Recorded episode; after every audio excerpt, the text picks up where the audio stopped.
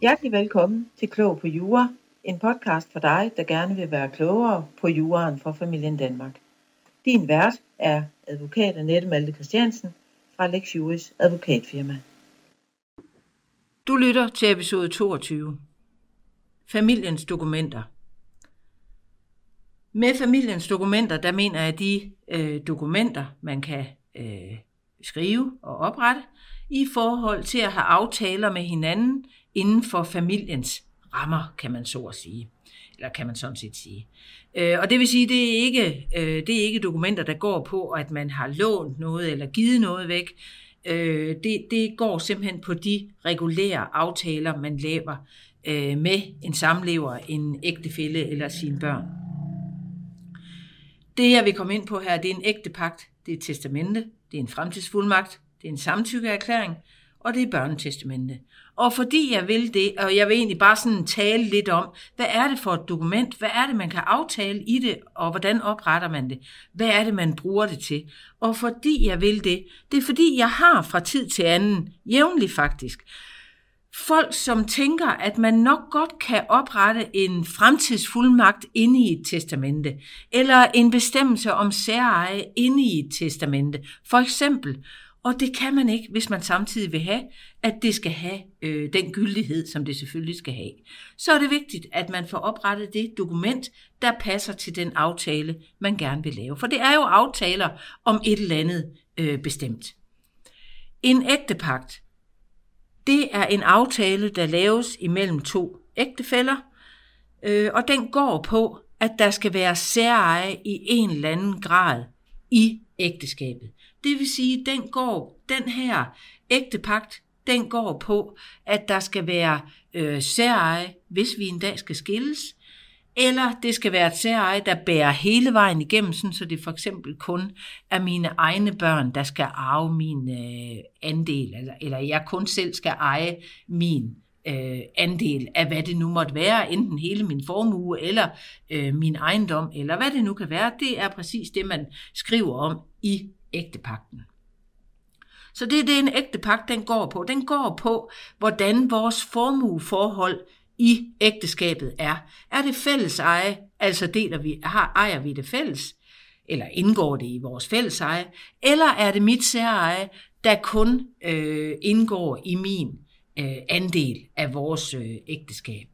Øh, og det er sådan meget øh, det, en ægte pagt handler om. Og når jeg siger det sådan, så er det fordi, en ægte pagt kan også handle om, at vi ønsker at lige dele nogle pensioner og øh, forsikringer.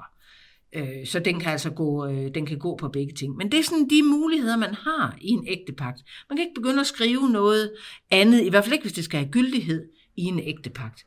En ægte pagt, den opretter man ved, at man går ind i tinglysningssystemet, så opretter man en ægte pagt, skriver det, man gerne vil have skrevet i den, øh, og så signerer begge parter den med nem ID, og derefter anmelder man den til tinglysning. Og den koster 1750 kroner for nuværende i gebyr til staten, øh, og få den tinglyst. Så har man en tinglyst ægtepagt, og den øh, kan man for det første printe en kopi af selv, men man har også, øh, det ligger også inde i systemet, altså i, øh, i tinglysningssystemet, og man vil kunne gå ind og hente den der. Det er det, en ægtepagt går på. Et testamente derimod, det går på, at enten man selv eller en af enten samlevende eller et, et par, der er ægtefælder, afgår ved døden, hvordan ønsker vi, at fordelingen øh, af arven efter os skal være. Og når nu jeg var inde på, at øh, ægtepakten den sagde noget om særeje, jamen så kan man altså i et testamente også træffe en beslutning om særeje. Men det er den arv, man giver videre for eksempel til sine børn. Man kan i et testamente beslutte, at den arv, som mine børn modtager, det skal være deres særeje. Man kan ikke lave nogen særeje bestemmelse for sig selv i et, øh, i et testamente. Det kræver en ægte pagt. Øh, så man kan sige, hvis nu, øh, hvis jeg skal give et eksempel, hvis nu jeg som, øh, som en ægtefælle ønsker, at, øh, at nogle bestemte penge øh, skal være mit særeje, jamen så kan det altså være opstået ved, at jeg enten selv har oprettet en ægtepagt om det her, øh, det her beløb, for eksempel, der står på en bestemt konto, Eller det kan også være penge, der er kommet ind på en konto via arv fra mine forældre, og de har besluttet i deres testamente, at den arv, jeg modtager fra dem, det skal være mit særeje. Det er det, et testamente kan. Øh, et testamente kan tale om fordelingen. Den kan tale om, hvor meget man vil til gode se hinanden som ægtefæller eller samlevende, og hvordan man ønsker fordelingen skal være i forhold til øh, sine børn. Den kan også sige noget om, øh, om arven til børnene skal være deres særeje. Det er det, et testamente kan. Et testamente, det opretter man ved, at man laver to enslydende øh, dokumenter. Dem tager man med op i skifteretten, og man tager øh, hvad hedder det, øh, øh billedlegitimation med, og så tager man op og har et møde med en notar, hvor notaren lige skimmer. Det er ikke sådan, at notaren sidder og læser testamentet, men notaren øh, skimmer igennem, at det overholder de formkrav, der nu er til et testamente. og, øh, og så skriver man under foran øh, notaren og betaler 300 kroner i afgift så er testamentet oprettet, og øh, det popper helt automatisk op den dag en af øh, de personer, der har oprettet testamentet, øh, CPR-nummer, kommer ind i systemet, det vil sige den dag en af, af opretterne afgår ved døden. Sammen med øh, testamentet kan ofte høre samtykkeerklæringer, for det kan tit være en udbredt misforståelse, at man tror, at øh, ægtefæller øh, eller samlevende øh, med særbørn kan til gode se hinanden fuldstændig. Det vil sige, at man kan øh, for eksempel som ægtefælle med særbørn komme til at sidde i øh, uskiftet bo, fordi man har besluttet det i et testamente. Det kan ikke lade sig gøre. Uskiftet bo er for ægtefæller med fællesbørn. Med mindre ægtefæller med særbørn får sine særbørn til at skrive under på en samtykkeerklæring, hvor der står, at jeg giver samtykke til, at øh, øh, øh Lise Jensen, der er gift med min far, Peter Jensen, kan sidde i uskiftebo efter ham.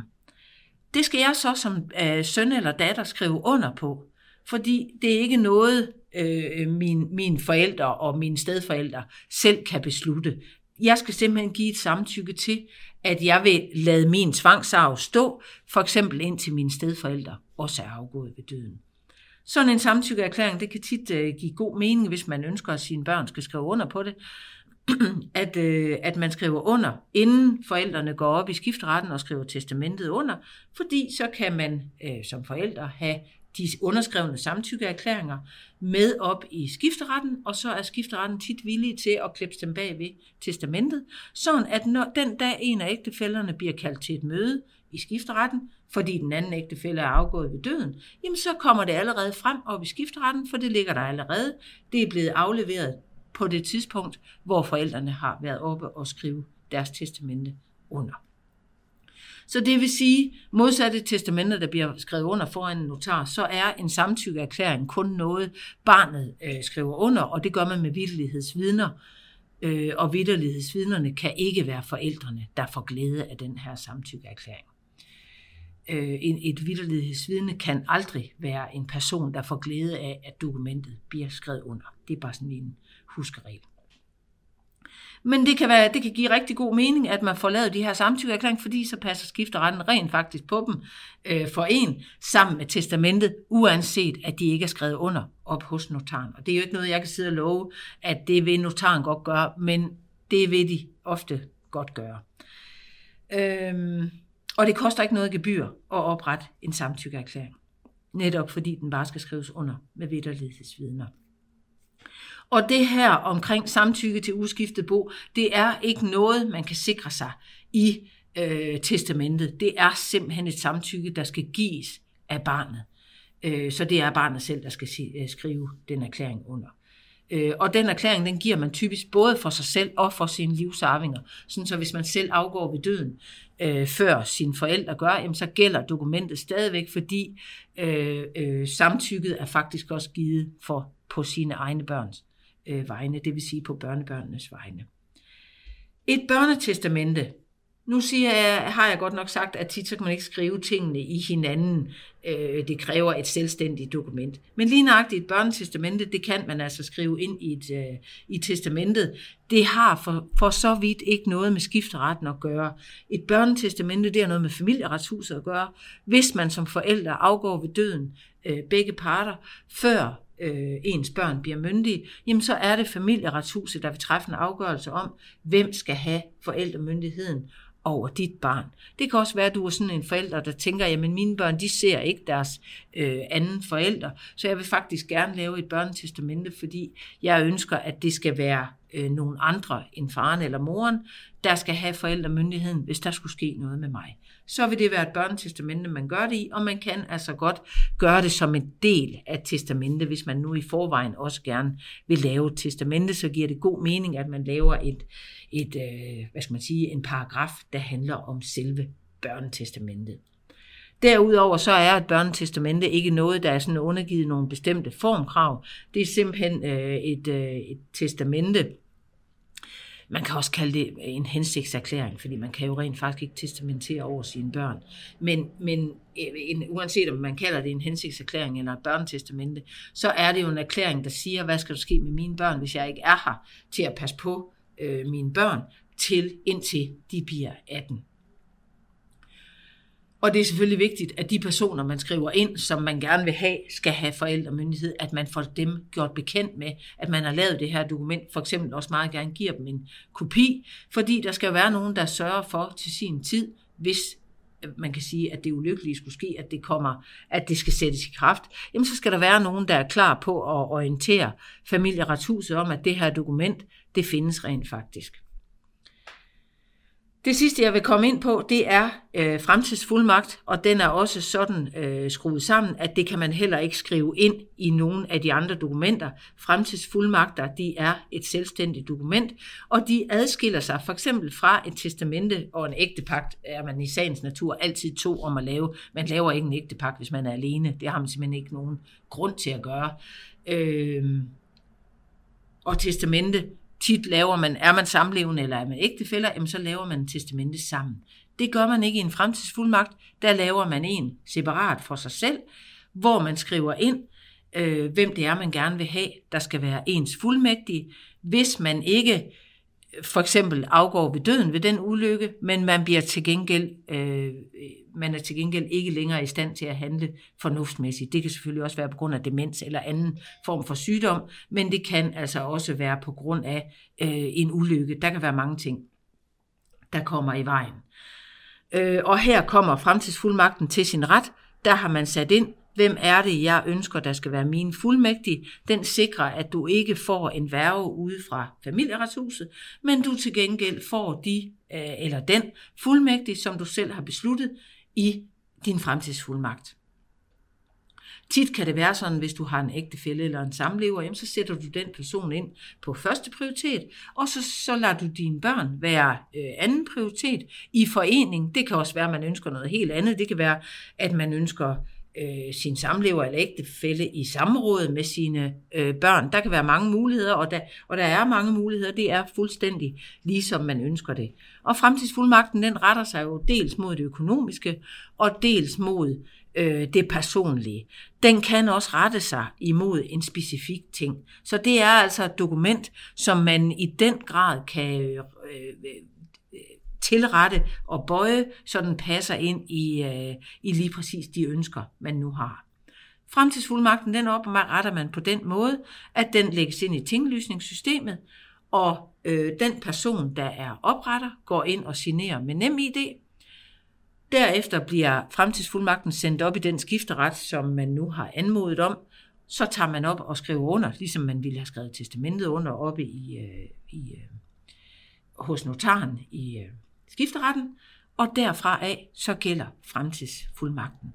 Og det vil jo være sådan, at I som for eksempel samlevende eller ægtefælde, jamen der opretter I hver sin, og sætter hinanden ind, og sætter eventuelt nogle børn ind. Har man for eksempel dine og mine børn, så vil det ofte være sådan, at man vælger at sætte sin samlever eller ægtefælde ind, og man sætter sine egne børn ind øh, som sekundære fuldmægtige. Man kan jo også sige, at man nu i et ægteskab eller i et samliv, jamen så vil der jo være en, der er længst levende, eller ofte vil der Øh, og dermed vil den person jo ikke have ægtefælden til at kunne være sin fuldmægtige. Så der vil det give god mening, at man har indsat for eksempel børnene. Eller har man ikke børn, jamen så nogle søskende eller en god ven. Øh, der kan tage over og hjælpe en med at træffe beslutninger den dag, man ikke kan mere. Eller kan det selv. Det var sådan nogenlunde det, jeg ville øh, komme ind på. Det var sådan lidt en, øh, en øh, freestyle snak om de her forskellige dokumenter, og det er simpelthen øh, ansporet af, at jeg ofte øh, møder nogen, der tænker, at man nok sagtens kan, øh, kan føre nogle forskellige ting ind i, øh, i forskellige dokumenter, men det er helt øh, øh, fastsat, hvad det er, man gyldigt kan, øh, hvad de enkelte aftaler gyldigt kan handle om. Fordi man kunne sådan set godt begynde at skrive om noget andet inde i testamentet, men det vil ikke have nogen gyldighed. For hvis man ikke har fulgt de formkrav, der er, og det er jo det, de forskellige øh, øh, måder på de forskellige dokumenter her, de siger noget om. Hvis man ikke har fulgt dem, så er dokumentet simpelthen ikke gyldigt. Øh, så derfor er det ret vigtigt, at man følger øh, de krav, der nogle gange er på det givende område. Det her det, det var det, jeg ville komme ind på lige her. Hej igen. Tak fordi du lyttede med på det her afsnit af Klog på Jura.